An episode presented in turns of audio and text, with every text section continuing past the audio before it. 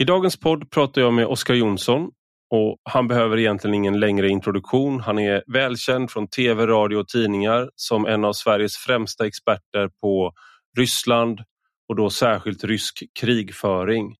Han är doktor i krigsvetenskap och eh, aktiv på Försvarshögskolan.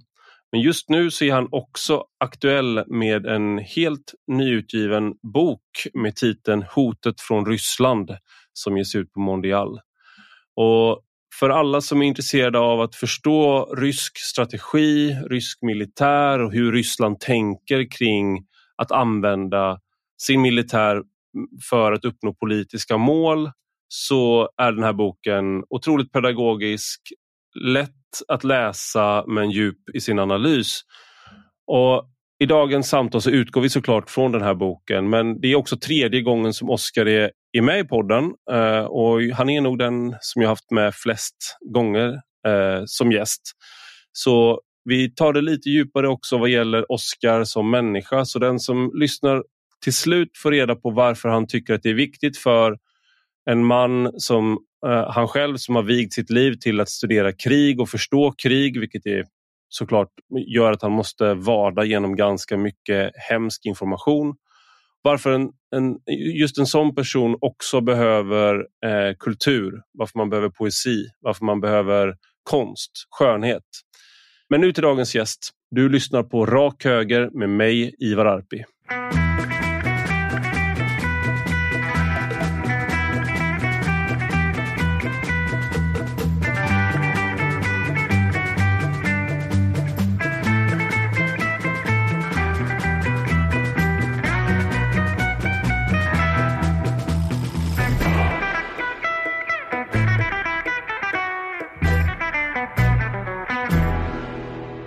Välkommen Oskar Jonsson till Rak Höger. Tackar så mycket. Eller välkommen tillbaka ska jag säga för du är den jag har haft flest gånger i podden tror jag. Du, det är tredje gången du är med. Det är otroligt och jag har på mig en nästan rosa ledartröja av just den anledningen också vid inspelningstillfället. Ja, som jag har gett dig då och sen får du lämna den vidare till om någon är med fyra gånger och sådär. Uh, ja, nej, men uh, någon typ av vandringspokal eftersom det är en sån oerhörd ära uh, för dig att, att vara med här såklart. Uh, borde, mm, borde det ju mm, finnas, mm. liksom. du borde få något slags pris eller sådär. Ja, jag väntar på belöning. Och Varje gång du har varit här så har det varit med anledning av att det är någonting som är fel i världen. Framförallt öster om oss. Det är Ryssland mm. och Ukraina. du var med i januari 2022 och då var det precis innan invasionen av, av uh, Ukraina. Mm. Och uh, Då pratade vi om hur sannolikt det var och sådär. Och sen var du med uh, i oktober samma år och så pratade vi mer om det. Vart, vart står vi nu? Och nu ett halvår senare så är det dags för nästa lägesrapport. Men nu har du också kommit ut med en bok, Hotet från Ryssland, som bara kom ut i dagarna. Och Jag tänkte bara börja med, tycker du verkligen att det är schysst liksom, att så här, tälja guld av någonting så tragiskt som Ukraina-kriget? Att ge ut en bok som vi ska köpa. Borde du inte ge bort den här boken istället liksom för, som en del av liksom, Sveriges insats så att säga? Att det här, du bara massmailar hela Sveriges befolkning ett ex av din bok eller någonting? Ja, eh, det hade ju varit snällt att göra. Nej, men angående att tälja guld på folks lidande så jag startade ju faktiskt diskussioner med förlaget 2019 om det här. Utan det här är, boken har jag haft en målbild om att jag vill lägga fram eh, just för att egentligen ge min syn på liksom, hur ser hotet mot Ryssland ut mot Sverige och vilka delar tycker jag man behöver förstå för att svara på det. Sen var väl liksom intresset som kom med kriget möjligheten för, för eh, att få folk att lyssna. Eh, vilket inte nödvändigtvis är den enklaste saken i hela världen. Att, att folk vill vara receptiva och höra på det här. Alltså första gången jag gästade dig i januari eh, så bjöd du in mig också för att du kände en viss frustration att folk inte fattade och såg att det här kriget var på väg att komma. Och så fick jag mm. uttrycka min frustration över att folk inte fattade att det här kriget var på väg att komma. Um, mm. Och, och, och, Det är lite andra myntet av samma sak. Att, att då var det svårt att få folk att lyssna. Nu, är, eh, nu har folk öppnat öronen och nu finns det mottaglighet för... I viss mån så är den här boken en syntes av saker jag har eh, forskat på, sagt, skrivit i tio år. Eh, mm. Men det är först nu som, som, som, ja, som, som en, flera verkligen vill, vill... Jag ska inte säga att det inte är någon som har lyssnat, för så är det inte. Men det är nu det finns en, en stor mottaglighet.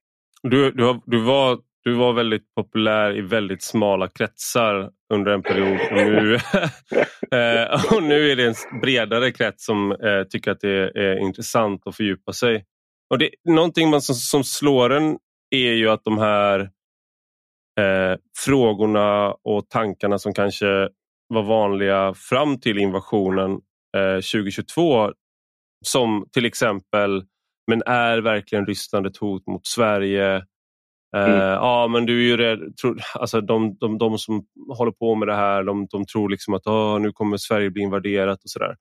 Att mm. man hör inte den sortens resonemang eh, lika mycket utan snarare så kanske det finns, uppfattar jag, eller så är det jag som läser in det, jag ska fråga dig om det, men att det kanske finns en större eh, liksom förståelse för att hot kan komma på eh, flera nivåer, vilket du, liksom, du spaltar upp i boken också. Vi kan ju, liksom, eh, och, och, vad, vad, säger du? Hur, hur, hur har liksom, eh, när du är ute och träffar eh, människor, pratar med människor och sådär, hur, hur, tycker du att eh, hur ser förståelsen för hotet mot Sverige från Ryssland, hur ser, den, hur ser det ut? Finns det en bättre förståelse idag? Eh, eller mm. är vi kvar liksom i en sån där dikotom eh, förståelse av att antingen är vi invaderade mm. eller så är vi inte invaderade? Nej, men det är en bra fråga. Jag tror faktiskt att folks förståelse för hotet kanske inte nödvändigtvis har gått, gått fram så jättemycket om vi pratar liksom folk i allmänhet. Utan mm. jag tror att, att många tänker verkligen kring alltså hotet från Ryssland som, som, som den stora militära invasionen mot Sverige. Och jag tror att man nu bara är så chockad så att man tror att, att den är liksom sannolik. Här, det är klart att den är mer mm. sannolik, jada, jada, jada. Men, men jag tror fortfarande inte riktigt att, att eh, man exakt ser. Alltså man, jag tror alla accepterar att det sker lite cyberattacker, och sker lite informationsoperationer, och sker lite av det ena och det andra. Eh, men jag tror inte mm. man har en sån tydlig bild på det. utan eh, nu, nu resonerar jag kring någon form av allmänhet, vilket alltid är svårt. Men, men jag, jag kan bara minnas när kriget drog igång var det folk som skrev till mig, liksom, i, i, mejlade och skrev DM och bara så här, ska jag lämna landet nu? Och jag var så här, nej, mm. nej men det, det ska du nog inte. Så här, 85 procent av alla ukrainare lämnar inte Ukraina, så, att, så här, du behöver inte lämna Sverige. Eh, mm. så. Men det, så här, det fattar man att folk är rädda och har man ingen kunskap kring liksom, vad kan Ryssland uträtta med eh, tillgängliga militära förmågor eller tillgängliga cyberförmågor, eh, då fattar jag att det bara ser läskigt ut för att det händer så mycket mm. skit. Så. Men mm. det försöker jag ändå hjälpa någonting med i, i, i boken. Om vi då pratar invasion så, så har vi ju haft en, eh, en eh, omställning som du är inne på historiskt där vi har, har först hade vi ett, ett försvar som var tänkt att försvara det svenska territoriet. Sen 2004 så skulle vi försvara Sverige i Afghanistan med internationella insatser och det gamla invasionsförsvaret avskaffades. Eh, det fattades beslut om det 2004 och eh, så sent som 2017 så stod Anders Ygeman och sa på Folk och Försvar att vi ska inte ha den här gamla beredskapen med, med lager av förnödenheter, materiell och eh, liksom skyddsrum och sådär. Det kommer inte tillbaks. Och nu då så är vi ju tillbaka i, egentligen i att okej, okay, det kanske vore bra att kunna försvara Sveriges territorium också. Om inte annat för mm. att om vi inte kan det så kan vi ju inte heller vara behjälpliga för våra grannländer. Så att säga tvärtom. Om vi är mm. den enklaste, den svagaste länken i kedjan. Men hur, mm. hur mycket av det där har vi liksom, hur långt borta är, är vi från att vara, ha en stark eh, avskräckande förmåga som man skulle kunna säga att vi hade under kalla kriget även om vi såklart i ett jätteutdraget, ett utdraget krig mellan Sverige och, och, Sovjetunionen så hade Sverige förlorat förr eller senare men det hade varit kostsamt mm. under en period i alla fall. Hur långt mm. bort är vi från att liksom avskräcka? Ja. Nej, men där, där har vi eh, alltså, goda och dåliga nyheter. Eh, liksom, de goda nyheterna är att svenska väpnade styrkorna står sig extremt bra, har vissa förmågor som är helt fantastiska. Alltså, JAS Gripen är det bästa stridsflyget för att möta en rysk invasion med. Är det något flygplan som ska skickas till Ukraina och kunna operera i fältliknande, fältliknande förhållanden eh, utan att behöva en världens liksom, underhållskedja som till exempel F16 så är det JAS Gripen. Eh, till kopplat med en av de mest kompetenta luft-till-luft-robotarna som, som eh, Meteor då, ska skjuta ner ryska flygvapnet så skulle man komma ganska långt med att avskräcka ett ryskt angrepp bara genom att ha ett bra flygvapen. Eh, artilleripjäserna, Ukraina hade typ 1100 plus elvrör när det här kriget drog igång. Sverige hade 48 eh, Archer och nu skickar vi åtta av dem ner till Ukraina. Eh, det här är mångt och mycket ett artillerikrig. Så. Nej, så att, vad, vad det jag ska säga är väl ungefär så här att eh, Sverige ensamt, och det är ju lite ett av problemen då, att vi har gått från den enorma pendeln vi ska främst försvara Sverige till vi ska inte alls försvara Sverige och vi ska försvara Sverige jättelångt bort någon annanstans. Och nu har pendeln slagit om helt till vi ska försvara Sverige. Men så länge vi inte är medlem i NATO så har hela planeringsantagandet för dimensioneringen av det svenska försvaret varit vi kan inte räkna med att någon kommer och hjälper oss. Alltså måste vi mm. bygga våra styrkor som om vi slåss mot Ryssland själv.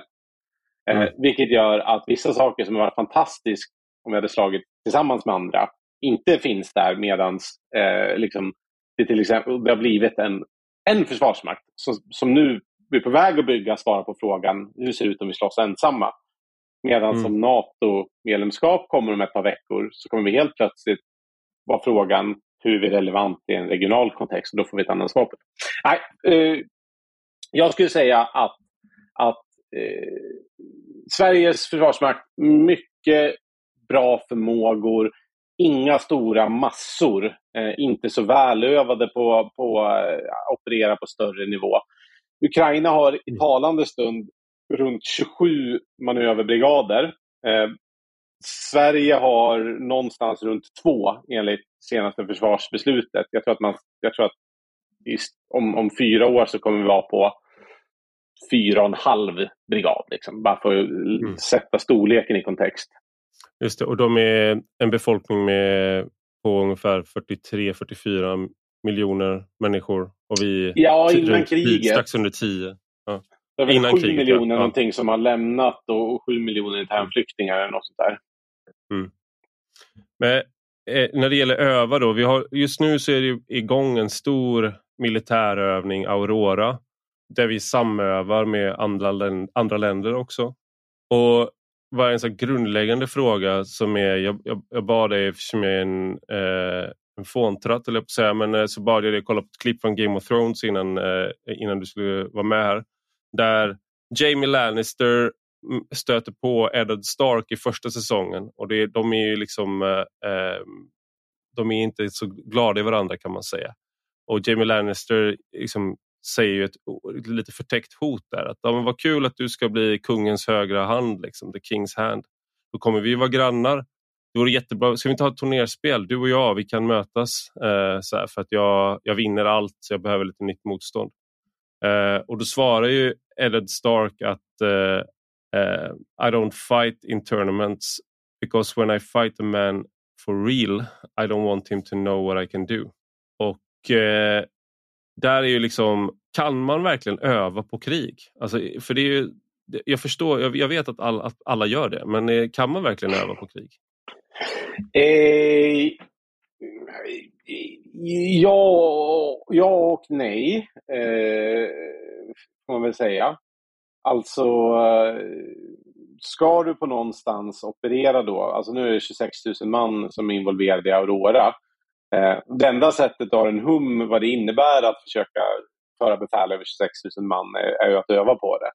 Samtidigt så finns det ett inneboende problem med övningar och det är att det alltid är skriptat. Det är mer wrestling än vad det är brottning. Eh, och framförallt så är det alltid komprimerat i tid. Alltså upprinnelsen i Ukraina var ju åtta år av strider på, på östfronten, några av de största cyberattacker vi någonsin sett, underrättelseoperationer i, under liksom åtta års tid, eller ja, ännu längre egentligen. Mm. Eh, men en övning blir alltid så här, ja, de senaste två åren har vi haft eh, attacker mot elnätet, underrättelseoperationer och informationsoperationer. Eh, nu ser vi ryska civila fartyg gå in i Slite hamn. Vad gör ni? Mm. Nej, vi gör inget. Mm. Ah, det är specialförband på, på dem. På dem bara. Att, att det blir liksom så här, någonstans är övningar mellan liksom en vecka eller tre veckor. Så scenariot blir alltid så här, nu har det här hänt. Och sen mm. så fattar man beslut och sen kommer storkriget. Nej, och det är ett problem man kan se från rysk sida. En anledning att man var framgångsrik 2014 var ju att truppinsatsen var väldigt var ju mycket mindre. Det var elit, det var specialförband, det var eh, luftburna fallskärmsjägare, luftburna trupper, eh, marininfanteri. Extremt vältränade, eh, samövade som, som tog över Krimhalvön. Eh, mm. Medan när du ska reproducera en invasion på stor skala, eh, då får du en helt annan kvalitet på humankapitalet. Mm. Samtidigt är Ryssland de enda som har då haft övningar med över 200 000 man. Så att om man frågas då, vem är bäst på att operera upp till 200 000 man i trupp? Ja, mm. då antagligen rimligen borde det vara Ryssland för att de är de enda som har övat på, eh, liksom, på det här. De, de har ju sådana st eh, stora strategiska övningar varje år. Vi, mm. Senast vi hade Aurora var 2017 och innan dess var det 93. Eh, då hela Försvarsmakten ja. övade bredvid varandra. Så att, eh, nej, övningen är mer wrestling än någonting annat. Men, men wrestling gör dig lite bättre på brottning eh, än om du inte hade mm. gjort det. Så. Just det. Ja, men jag, det, låt, det lät ju nu som att jag var kanske skeptisk till övning men eh, det gör jag ju inte. Jag, jag tänker att man... Eh, en, en, en sak som är otroligt eh, tråkig när man upptäcker man, du, du är precis nybliven pappa men eh, jag eh, har upptäckt att det enda som är verkligen är viktigt i livet är logistik och eh, att, att frakta fyra barn med olika behov, två vuxna och sen kanske en hund och, och, liksom, eh, och en katt som ska stängas in i något rum eller någonting. Och mm. Alla ska ha med sig det, vilka mediciner och sånt där. Det kräver liksom mycket mer tankekapacitet eh, och, eh, och också em emotionell intelligens och självkontroll är någonting jag gör i mitt jobb skulle jag säga. Och då inser man att herregud, hur lyckas de få med sig mat till liksom soldater i krig? Det är ju helt absurt. Liksom. Jag har svårt att få med mig kexen.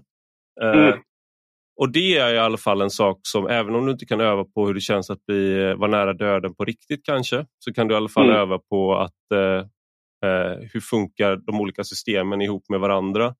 Mm. Och liksom, hur snabbt går det och okej okay, det här funkar inte, de här fordonen funkar inte i den här miljön som vi trodde. Eller något. Mm, mm. Den so saken upptäcker man ju. Men det är konstigt då egentligen att Ryssland borde väl ha upptäckt de in, med tanke då på att då borde det vara vi som är eh, och det, det, har, vi har inte prövat i skarpt läge på det sättet. Men Ryssland har ju då gjort de här stora övningarna över tid. Och jag minns nyheter från att man är så här, det här kan vara, det kan vara en invasion på gång och så ringer man då Oskar Jonsson eller Joakim Paasikivi eller någon annan så där och så säger ni att nej det är ingen invasion på gång förrän det var det och då sa ni att det var det. Eh, och då sa USA att det var det också. Men det har varit liksom, det har varit lite så här läskig stämning i Baltikum så där ett mm. antal gånger.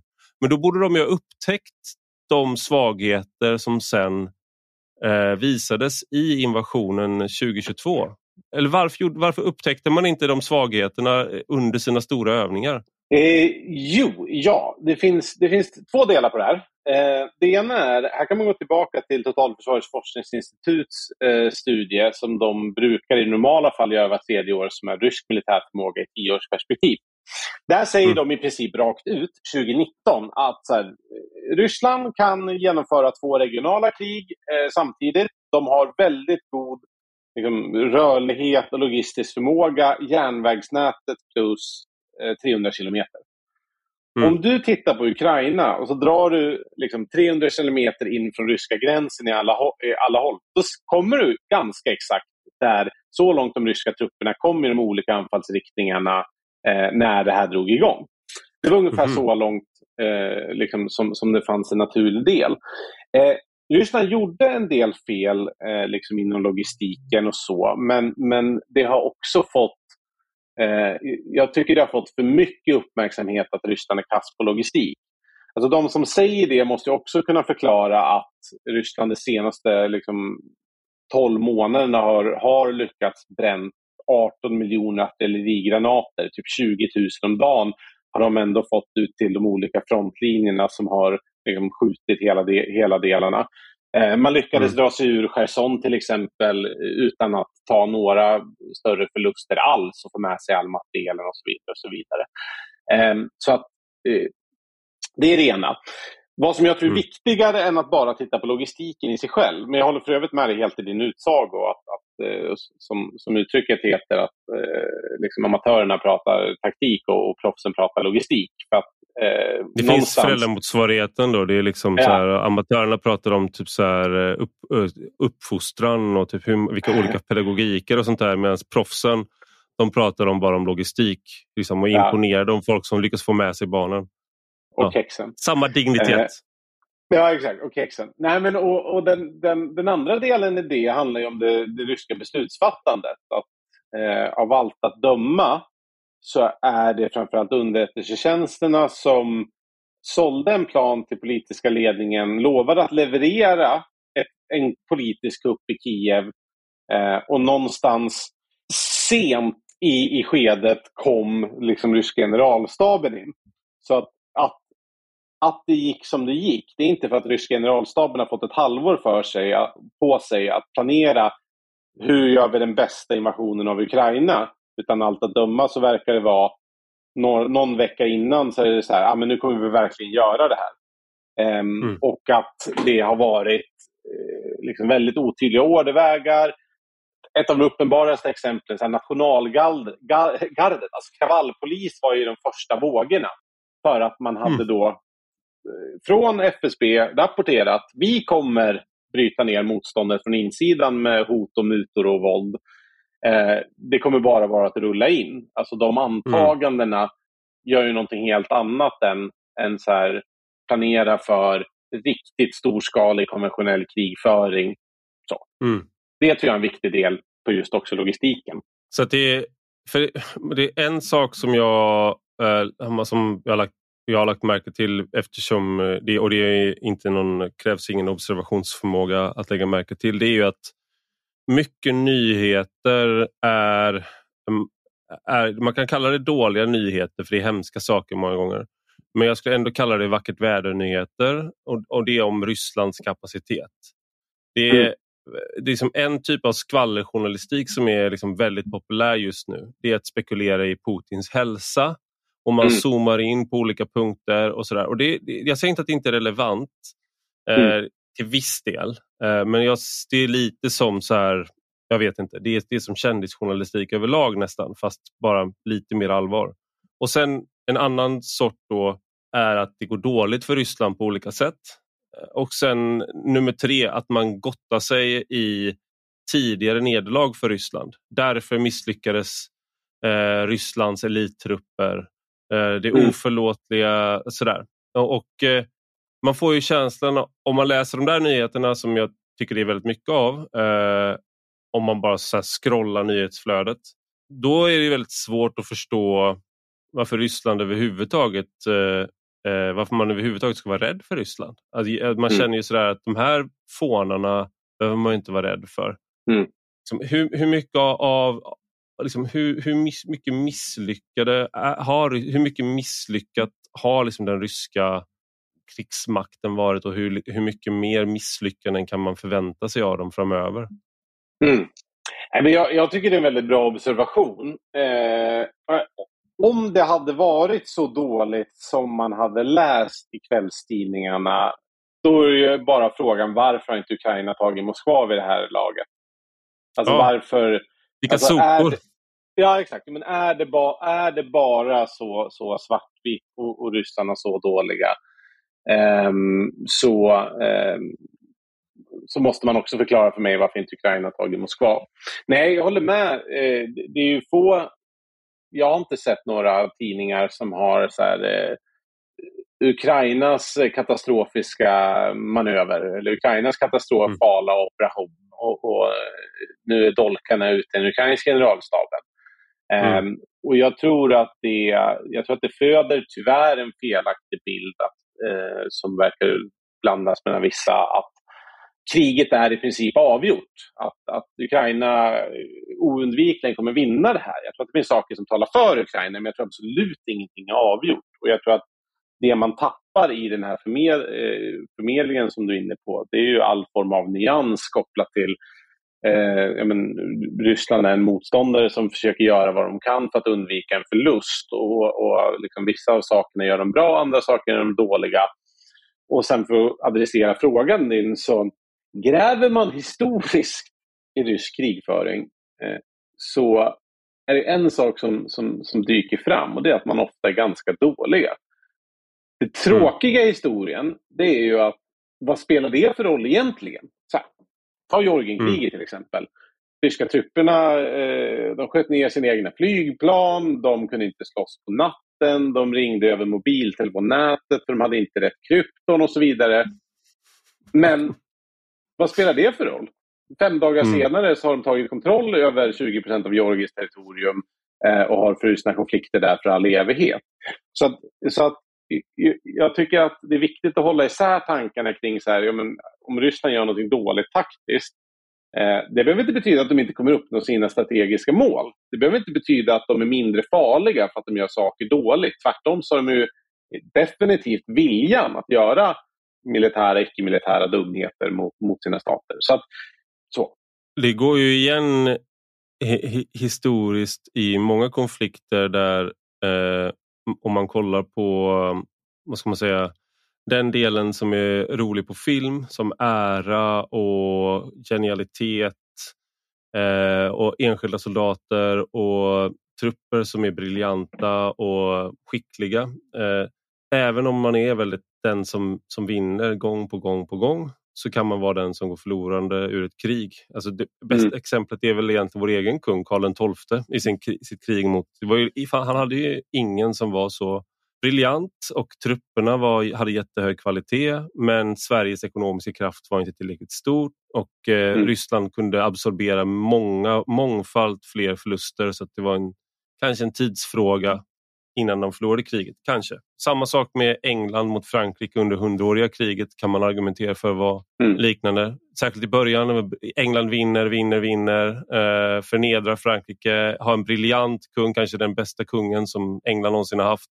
Frankrike har inkompetent kung efter inkompetent kung. Den ena mer inkompetent än den andra. Men Frankrike är ojämförligt mycket folkrikare, rikare, eh, starkare på alla sätt och mm. vinner till slut och kastar ut England från alla sina provinser så England förlorar sitt strategiska mål trots att mm. man har gjort, hade bättre eh, liksom, trupper, bättre planer, bättre ledare, allting. Eh, mm. Man kan ju räkna upp genom historien men där är väl är det där Ukraina är just nu? För om man då kollar bara, om man bara tar bort då vad man tycker om Putin och Zelensky och inzoomningar på eh, Putins hals och sånt där. Mm, mm. Så är ju Zelensky och Ukraina, det är ju våra liksom, eh, eh de, de är mindre men de, de, är så, de är ädla, de har den goda saken på sin sida, alla hejar på dem. Eh, men de är otroligt mycket svagare än Ryssland. Precis, alltså den analysen som man gjorde innan kriget startade var ju att de skulle falla väldigt snabbt för att de var så mycket mindre och så räknade man upp det. Där hade man ju fel, att det skulle gå snabbt och att de inte hade samma försvarsvilja. Det här var ryska analysen av Ukraina också. Men många trodde det. Eh, mm. Kanske lekmannabedömare då. Men en del i den analysen är väl ändå fortfarande sann. Det är ändå en befolkning som är otroligt mycket mindre. Eh, Ryssland är, har liksom en, eh, ett djup i var de kan förlägga mm, mer naturresurser. De, har mer, de ta, kan ta, välja i större utsträckning var striden ska, eh, var striden ska tas. Är det, är det inte fortfarande så att de, mycket av det är ju, eh, stämmer fortfarande? Jo, alltså så här. Jag skulle vilja säga att eh, svaret på den frågan är väl lite det beror på. Eh, en annan, eh, måste slänga upp en annan empirisk exempel är såklart finska vinterkriget där Sovjetunionen tänkte att eh, snabbt effektivt vi installerar en ny, en ny ledning som är, är prosovjetisk och allting kommer att bli bra. Men första vinterkriget slutade ju ändå med eh, finska eftergifter. Trots att man liksom moraliskt, taktiskt hade besegrat Sovjetunionen eh, väldigt väl. De hade tagit enorma förluster och så. Så var liksom bara själva storleken på, på Sovjetunionen något som var svårt att stå emot. Eh, som man gav mm. eftergifter. Mm. Så att och, och, och, det är återigen så här, nej, man, det viktiga är inte vem som vinner, vem som slåss bäst, utan eh, det fråga är hur allting som händer på slagfältet och i de andra domänerna eh, aggregeras upp till policypåverkan och vad som händer på den nivån. Å ena sidan så är Ukraina absolut eh, mindre än Ryssland och, och, och eh, har nackdelen att hela kriget utkämpas på ukrainskt territorium. Eh, ukrainska mm. ekonomin är spillror, vi har en ekonomisk blockad mot Ukraina eh, och ekonomin går, går, går i putten. Så att det är det Ryssland har räknat med att bara vi håller ut så vinner vi. Eh, här, ja, mm. det är sanktioner mot Ryssland, men det är ju ojämförbart mot eh, liksom, den förstörelsen som finns i Ukraina. Du tar, upp i dåliga... boken, du tar upp i boken att det var innan kriget var det 2,5 procent som var fattiga och nu är det mm. 50 procent ungefär. Eller det kommer mm. vara det. Precis, Världsbankens enorm... att ja. i slutet av i år 55 procent av Ukraina lever i fattigdom upp då från 2,5 procent. Um, så att uh, det är ju liksom Rysslands strategiska mål. Men här kommer den stora X-faktorn då. Alltså, frågeställningen har varit sedan innan det här kriget drog igång. Hur står sig Ukraina mot Ryssland? Uh, mm. Och då är svaret egentligen, nej men Ukraina har nog förlorat. Fast mm. ställer man frågan, hur står sig Ukraina mot Ryssland om de har omfattande västligt underrättelsestöd, militärt bistånd, ekonomiskt stöd? Eh, då får du helt mm. plötsligt någonting annat. För att så här, eh, om hela det samlade väst, liksom militärindustriella komplex, producerar vapen och ammunition till Ukraina, ja då har du ett scenario. Medan om Ukraina står själv mot Ryssland, ett helt annat scenario. Så att det, där, mm. det är det som fortfarande är eh, svårt att exakt belägga. Dels för att politisk, mm. liksom, politisk vilja är en färskvara. Eh, de goda nyheterna är att eh, liksom under hela kriget har, har liksom väst ändå överraskat och gått mycket längre än vad man själva trott att man skulle, inklusive skicka liksom, eh, brigadvis med stridsvagnar och liksom, dyraste luftvärnssystemen. Mm. Eh, samt liksom, makroekonomiskt stöd till Ukraina. Men vi vet inte, det vet inte Ryssland heller. Eh, så att i, i, bästa världar så har liksom västligt militärt stöd till Ukraina pikat, tänker ryska strateger. Och så vinner vi bara på uthålligheten. Eh, Medan mm. om, om samlade väst produktionsförmåga läggs in, då får du ett helt annat svar. Å andra sidan, mm. om Kina slutar sitta på, på, på stängslet och lägger in sig på Rysslands sida, ja, då får du också ett, ytterligare ett helt annat svar om de börjar skicka över några miljoner artillerigranater till Ryssland. Så, så att eh, mm. det, det, är svårt att veta exakt vilken, eh, liksom vilken, vilken mental modell man ska ha för att eh, analysera det här. Eh, och det är framförallt svårt att beräkna då på västlig politisk vilja som ofta utvecklas väldigt reaktivt. Alltså om, om, om Kiev utsätts för massa robotbeskjutningar för att få slut på strategisk infrastruktur, då skickar man liksom, strategiska luftvärnssystem såsom Patriot. Hade du en månad tidigare sagt att väst kommer skicka Patriot-system för, alltså, nu pratar vi 5-6 miljarder per system, liksom. mm. um, så hade alla sagt nej, det kommer inte hända. Men nu skickar Nederländerna ett system, eh, Tyskland skickar ett system och eh, USA skickar också system. Mm. I, I boken eh, så handlar det mycket om eh, vår, vår, våra försök att förstå Ryssland genom tiderna och sen att man glömmer eh, och sen kommer man på vad Ryssland är igen ungefär. Jag hade någon liknelse någon gång om att liksom, men om, Ryssland, eh, om Ryssland kommer och har blommor och säger att jag har slutat supa, jag ska vara snäll, liksom, släpper man in Ryssland igen då? För det är lite den som vi har gjort då och då. Att man glömmer, det är inte det att Ryssland är, att ryssar är dåliga människor eller sådär. Det, det, är bara att Ryssland har aldrig varit, eh, liksom aldrig slutat att vara ett, ett hot. Men då, då är du inne på i boken där att eh, eh, vi har haft svårt att förstå Ryssland och du, du menar att när man pratar om eh, det här klassiska då, till exempel Winston Churchill pratade om att det var en gåta inne i ett, eh, vad var det, inne i ett mysterium. Insvept i mystik. Ja, ja exakt.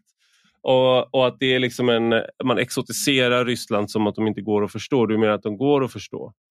Eh, mm. och eh, Man måste sätta sig in i hur de tänker. Och Det där, det där gäller ju många det, här är ett problem överlag att man har svårt att förstå men, kulturer eller, eller eh, andra tankesystem än det man själv har. Så man vill gärna förstå det tankesystemet i termer av sitt eget. De vill mm. också mm. bara ha eh, tacofredag. Eh, de vill mm. också, alltså man, man, det är sådär man, man tänker lätt. Eh, men mm. en, en annan besläktad fråga som jag skulle vilja ställa är eh, hur ska vi förstå dem som nu i väst, eh, i USA men också i Europa tycker att det, det är fortfarande att det är liksom att vi borde försöka förhandla med Ryssland och att Alltså hur ska vi förstå de, de människorna här? Det, det, det gör jag mm. nästan ännu svårare mm. med att förstå. Um, att det fortfarande är ganska... Alltså det, mm. det, det, det, dyker upp hela Nu var det senast jag såg någon... Eh, jag, jag läste bara igår om Roger Waters i, i Pink Floyd som uh, mm. är liksom, tycker att det är Natos expansion och allt det där. Mm eh, som mm. är orsaken. Mm. Um, men hur, ska man förstå våra egna så att säga, Rysslandsvänner eller de som, är, har så, som menar den här lika goda kålsupare-teorin? Eh, yeah. Nej men det, det, finns ju, alltså det finns ju, där finns ju hela spektrat mellan, mellan folk som Alltså som är inne på lika goda kålsupare som bara ogillar USA eller väst så mycket att de tycker Ryssland är väldigt göttigt. Det, det, mm. det, politiskt manifesteras det av, av de liksom, partier som var och övervakade de så kallade valen nere på Krim. Att det fanns allt ifrån liksom, lettiska kommunister till, till belgiska fascister till Le Pen och sådär. Um, mm. så, så det tror jag är liksom en förklaringsmodell. Sen tror jag att det finns en annan modell som är liksom som bara pratar i turismer. Att så här, det blir ingen fred utan förhandling, vi alla måste ge och ta lite. Och det är väl de kanske som, som, som på något sätt är värst i det här. För att de, de tror att de är så, så otroligt smarta, att de har tänkt på någonting som alla som jobbar med de här frågorna aldrig har tänkt på. Att så här, bara vi förhandlar lite så får vi fred här. Och bara så här, jo, men, alltså det, det som skedde från eh, liksom, eh, CIA-chefen Bill Burns åkte till Moskva i oktober 2021 var att man försökte eh, förhandla igenom det här. Alltså upp till sista mm. stunden innan Ryssland invaderade kan man se i dokumentären på svenska heter När Putin ringde Macron, eller när Macron ringde Putin. Att mm. eh, Macrons innersta cirkel in i det sista sitter och tror att man håller på att förhandla med Ryssland kring det här medan de egentligen eh, bara trollar Macron och hans, och hans ledning. Så att de som bara så här, äh, men vi, vi, vi, vi måste ge något. Bara vi ger något så kan det här bli bra. Eh, de har helt missat att, att liksom, Minsk 1, Minsk 2, Budapest memorandum och så vidare. Eh, har man provat allt det här och Ryssland har brutit mot allt det här. Och sen så det andra, eh, som måste också lägga upp som en väldigt skillnad i förhandlingskulturen. I väst när vi lär oss förhandlingskultur så är det ofta så här, starta med att etablera en bra relation, eh, ge någonting som en gest av god vilja och sen blir alla vänner. Medan rysk mm. eh, förhandlingsstrategi, det första som sker är att man testar sin motpart, ser vad den är gjord av. Eh, om den då börjar mm. ge bort massa saker utan att ens börja förhandla, ja det är klart man begär mer då. Och bara fortsätter mm. att begära mer. Eh, och på det sättet så är Får bara bilden av liksom någon som står och, serietidning, någon som står och håller någon annan i, i fötterna, så här, skakar och det bara ramlar ut så här, grejer ur, ja. ur liksom, guldmynt och sånt där. Ja, men så har det ofta varit. Så att, eh, nej, så jag tror att det finns, eh, och sen så det tredje, liksom, kampen där som för, för, folk som vill förhandla och det är väl den jag kan förstå mest. Och det är ju så här, det är så hemskt med krig, vi måste få till fred. Um, den, den känslan förstår jag, men jag tror att det, det man missar där det är att eh, krig sker inte som en naturkatastrof som uppstår ur ingenting. Det uppstår från en fientlig vilja från den ryska regimen. Och den stannar du inte genom ett temporärt eldupphör. Eh, mm. Utan den riktar sig mot liksom, Ukrainas rätt att existera som stat. Så jag tror att det finns liksom, grupper som landar lustigt i det här av helt olika anledningar. Jag tänker på eh, Ronja Rövardotter när eh, de har tillfångatagit Birk och så står de vid mm. helveteskapet. Mm. Och då förhandlar ju Borka med Mattis och säger att eh, Mattis säger att jag vill ha er ut ur Mattisborgen. Eh, mm. och då säger eh, liksom, innan sommaren är slut. Uh, ja, mm. då, då har du mitt ord på att jag är borta ur, ur borgen innan sommaren är slut. Bra, och då får du tillbaka din son och då vill han ha tillbaka sin son direkt då såklart. Mm. Uh, och då säger Mats, det menar jag att du får inte. Och då hoppar ju Ronja över till andra sidan. Och då går förhandl- det är fortfarande en förhandling men då går förhandlingen plötsligt mycket lättare uh, för ja. Borkas sida. Ja. Det är liksom, jag säger inte att det här är förhandlingstaktik på hög nivå men det är det här med att en förhandling... Det fanns en sån eh, sak med Ronald Reagan som kanske stämde i hans fall delvis men han hade en föreställning om att om han bara kunde sätta sig ner i samma rum som Gorbatjov, mm. prata med honom så skulle de kunna lösa hela liksom, eh, situationen mm. med eh, eskalering och kapprustning. Om de bara kunde sitta i samma rum och prata så han hade sån tilltro till sin egen charm att mm. han skulle kunna lösa det där han hade ju väldigt stor charm. I hans fall kanske det funkade. Jag tror inte riktigt att det är så det oftast går till, att mm. det är mm. någon som charmar, liksom, utan det är andra processer. Men det finns en övertro, eh, tror jag, på att du kan prata dig fram i förhandling. Och jag tänker att någonting som jag vet att du har tagit upp när vi har pratat tidigare, och som du tar upp i dina böcker, det är också eh, von Clausewitz, det här med liksom att krig i fortsättningen på politik. Eh, och att man, när, man, när liksom man försöker uppnå politiska mål med krig och när, när, du, när du tar slut. Men det går ju åt andra hållet också. Att du, du behöver inte börja med ett leende. Ibland kan det ju vara så att om folk tror att du, att du liksom, en, om du äntrar scenen på ett visst sätt så kan det också sätta mm. eh, en ton. Um, mm. Och om någon, första gången någon ser dig så har du en, en uh, pistol. Mm. Uh, och sen när de ser dig de näst, nästföljande fem åren Eh, så har du inte det så kommer det ändå vara så att det har etsat sig fast den bilden. Och det där, såna här saker vet ju, vet ju en, ett land som Ryssland och med, det känns som att man kanske befolkningen, jag tror inte att eh, kanske att man på hög nivå i Sverige i, eller i väst är naiv kanske i de här avseendena men ibland när man pratar med gemene man eller med människor som inte arbetar med de här sakerna så får man intrycket av att man vill inte att världen ska vara så så därför är den inte så. Mm. Mm. Nej, men jag, jag tror att ett, ett jätteproblem genomgående för hur vi hanterat Ryssland är ju att väst är extremt förutsägbara. Vi kommer alltid komma till förhandlingsbordet för att deeskalera en situation. Vilket leder till att Ryssland skapar situationer och sen så erbjuder de sig att ta sig ur den situationen om de får eh, massa eftergifter kring det. Mm. Eh, liksom, senast eh, Donetsk och Luhansk folkrepublikerna, det, man skapade eh, liksom de eh, revolterna där och utropade dem till självständighet och sen så sitter man i ett eh, fyrpartssamtal och förhandlar hur mycket inflytande över Ukraina de ska få gentemot en fred. Um, mm. Så är det ofta i förhandlingarna. Och man vet också att väst kommer alltid sätta sig vid bordet och vara beredd eh, att förhandla. För att det, det, det ligger i våran, vårat DNA snarare än att eh, ibland måste vi spela hårt, ibland måste vi spela eh, liksom, skoningslöst. Utan så så jag, tror mm. att, Eh, jag tror att Ryssland har fått en hel del nytta eh, i sin utrikespolitik för att vi är förutsägbara där.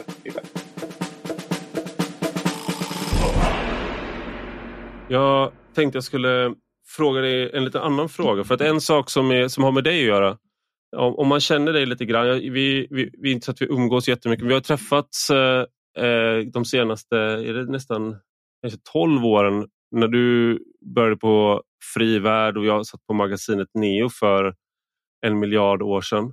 Men en sak som alltid är slående med dig det är att du nästan alltid har med dig eh, poesi i en bok. Vi bilade ner till ett bröllop ihop också, delade på kostnaderna där. Och eh, då hade du också med dig poesi, en poesibok, poesisamling. Jag kommer inte ihåg vilken, vilken diktsamling det var. Eh, men då tänkte en sak som är slående, då, du, jobb, du håller upp och läser poesi och du är inte rädd för att visa att du läser poesi. Och då tänkte jag bara på att så här, det finns ju det här renässansidealet om en renässansmänniska. Att du, kan, du måste liksom behärska du måste behärska, du måste både vara en krigare, en poet eh, och vad är det mer? Du ska kunna behärska alla liksom fält av, och vishet också. Så att du ska utforska mm. en vishetstradition, sen ska du utforska liksom, eh, en kulturen och du ska också då utforska krig. Har du något, själv något sånt där ideal? Är det därför du håller på med liksom, poesi, vilket ju annars är en eh, liksom, vad ska man säga, det, har en, en, en, eh, i alla fall i vår tid har det mer varit en sån här, någonting som kanske kulturfjollor och sånt där håller på med. Mm. Och du håller på med krig liksom. Ja, ja, ja, jag får bara tänka på, på vad en kompis sa 2014 just när jag var i Ukraina förra gången. Och hon bara så här, jag hoppas det blir fred snart så du kan dricka vin och läsa, läsa dikter. Nej, men jag tror att det är, någonstans får man väl gå till, till, till Churchill, och de flesta Churchill-citat som säkert helt påhittade, men, men om, angående det här att de skulle skära ner på kulturbudgeten mitt under andra världskriget och Churchill säger att men om vi skär ner på kulturbudgeten, vad, vad, vad slåss vi då för? Och jag tycker att för det finns någonting i det. Ja, för min del så, så var det väl mer när man var lite sådär eh, ung och höll på att bilda sig när man, när man pluggade master och började doktorera och man bara, så, gud vad obildad jag är när man kommer till en mer klassiskt bildad ställe i, i England. Och då ganska avsiktligen så ville jag läsa mer historia, läsa mer filosofi, gå mer på operan, gå mer på klassisk musik och, och fortsätta med språk och så vidare. Um, men också läsa mer dikter. Jag vet inte, jag, jag, jag, bara fastnade och tyckte att det var, det var väldigt bra. Att det var väldigt mycket skönhet i några av de, de bästa diktsamlingarna komprimerat som säger någonting. På den, alltså det är den eviga frågan. Mm. Eh, på engelska, what is man? Vad är människan? Varför finns den? Mm. Till vilket ämne? Hur fungerar den? Det är ju egentligen det är livets största gåta som någonting allt annat eh, kommer downstream ifrån. Eh, mm. Och Vissa av de svaren finns i, i, filosofin och vissa av de svaren finns inte där utan det, det kanske är mer existentiella berättelser och observationer. Jag tycker att poesin eh, är en viktig del att komma åt svaret på frågan vad, vad är människan?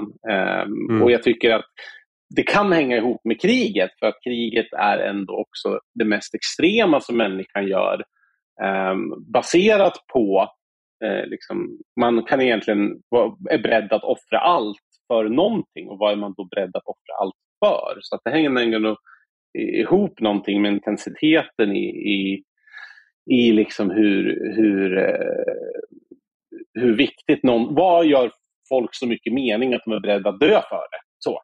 Mm. Så jag tycker att det kanske finns en koppling där mellan, mellan, mellan litteraturen och eh, kriget. Det finns ju eh, också en... Eh, om man tänker vad är en, eh, vad är en människa så är det ju jag säger inte att man ska se på ryska soldater så men bara här, häromdagen så, du, så delade du ett klipp från eh, det var i, i eh, onsdags så lade upp ett eh, klipp från eh, fronten utanför Bakhmut eh, mellan ukrainska, och de ukrainska soldaterna kallar ju de ryska soldaterna, i alla fall i det här klippet, och jag har också sett man sen, för, för orker, alltså från eh, mm. Tolkens. Och det är ju inte en slump för att det är ju också om man tänker sig att man är en person som bara lyder order, om man tänker sig att man är en person som uh, utför uh, vilka handlingar som helst om man får order om det och man är beredd att använda hur brutalt våld som helst. Då, är, då finns det så att säga ingen poesi kvar i världen heller skulle man kunna hävda. Att liksom en ork skriver nog inte poesi eller skriver fruktansvärt dålig poesi. Ja. jag vet inte. Men att det finns någonting där att om man håller på att ägna sig då åt krig kan jag tänka mig som du ändå gör. Du, du ägnar dig åt de och forskar om och håller koll på de hemskaste, några av de hemskaste sakerna som händer just nu. Mm. Alltså, då är det ju det är ju på många sätt motsatsen till vad som mm. är vack, vackert med människan. Eller har jag fel? Mm. Mm. Jo, eh, men, jo, men så är det väl. Det är klart att det är motsatsen och, och jag tänker mig att liksom, det som är viktigt är ju att skydda människan för, för det hemskaste som kan ske så att man får njuta av allt det där, det där vackra. Eh, angående orken och det så måste jag ändå ta upp eh, någonting som den, den ojämförbara, vår ende eller främste eh, krigspsykologiska eh, doktor David Bergman brukar ändå säga att någonstans så måste ju du innan du dödar en annan människa som en soldat, eh, dehumanisera det. Det är inte nödvändigtvis av, av ondo utan för att du som människa ska så här, identifiera en fiende. Eh, så, nu sa han mm. orker, man kan säga fienden. Eh, uniformen eh, anonymiserar ju personen, tar ändå bort det individuella i det. Eh, och det tror jag man måste göra i någon form av, det måste göras i en funktionell grad innan du kan eh, liksom döda en fiende. Sen är ju problemet när, när den processen går för långt och du liksom ser, ser det som, som helt frånskilt från att vara en människa och tappar alla sina liksom, rättigheter. Och vi ser liksom, det som vi har framförallt sett väldigt mycket på ryska sidan, liksom avrättningar, tortyr, civila och, och, så vidare. och så vidare. Men det där är mm. jättesvårt mm. att hitta någon, någon form av eh, rimlig balans i det. Det finns ju en sån här eh, tanke som jag tror att jag själv någon gång när jag var yngre i alla fall eh, eh, hade en föreställning om att mycket av det här med etik inom krig, krigets lagar och code of conduct för soldater och, och, och sådär, att det var liksom någon slags sentida, eh, liksom, eh, vad ska man kalla det, politisk korrekthet fast inom eh, försvarsmakter. Eh, mm. Och att göra oss veka och liksom att sådär kan man, när, det är riktigt, när det är krig kan man inte hålla på med sånt där. Men det mm. finns en del forskning om det. Jag såg en, eh, jag lyssnade på en föreläsning av en eh, kvinna som har skrivit en bok om det också. Att liksom, eh, hederskodex för krigare och soldater genom tiderna. Och att eh, enligt henne så är det snarare eh, tvärtom att det är någonting som är beständigt över tid och att eh, det finns ofta som det är förhandlingar om de här sakerna men att ens just en sån sak som det kan skydda en från är att du inte får PTSD i samma utsträckning för att om du, eh, om du uppfattar att du är god och du gör det goda och du håller dig inom reglerna och du behåller mm. respekten eh, hos, för, hos din grupp eh, och tvärtom, du får till och med ära eh, av, din grupp. Då kan du skjuta ihjäl så att säga eh, hundra människor utan att du börjar identifiera dig själv som en mördare. Eh, och mm. de gör inte heller det eh, utan du behåller din identitet intakt trots att du egentligen har dödat då hundra människor mm med mamma och pappa och kanske barn och fru och allt det där. Men du gör det under de här omständigheterna, med de, under, in, inom de här eh, reglerna som är uppsatta. Och då kan du behålla någon, gå, gå in ur den här extrema situationen mer intakt. Och då till exempel ett exempel på när det där bröts ner var under Vietnamkriget då, när de kom hem och folk sa att de var onda och att de hade gjort fruktansvärda saker och det blev en sån dissonans mellan vad de själva hade gått in i, vad de trodde och sen vad de kom hem till. Och det var det många som hade fick mer problem av den anledningen. Då. Men det där är väl också någonting man undrar då med ryssar, de ryska soldaterna som gör de här övergreppen. Är det någonting som eh, i den kulturen kanske det är annorlunda men eh, man undrar hur mycket skyddade de är sen de, där har man ju sett extrema exempel. Jag vet inte hur, hur utbrett det är men på när man ser den här korrespondens mellan ryska soldater och deras fruar och de har liksom mm. ganska upp, öppna med övergrepp de gör. Um, mm. Så jag vet inte om den teorin som jag just det, det jag just sa håller i den ryska kontexten. Nej, men jag tror att den håller perfekt i den västliga kontexten eh, faktiskt. Och, och, jag tror att mycket av det är, är ändå en faktor av liksom kalla krigets slut och den unipolära världen.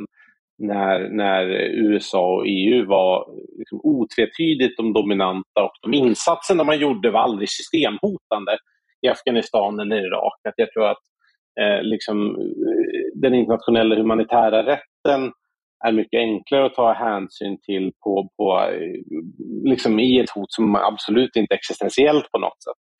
Ehm, jag tror att det är väldigt reellt för Ukrainas sida, bland annat för att man i princip uteslutande är beroende av väst.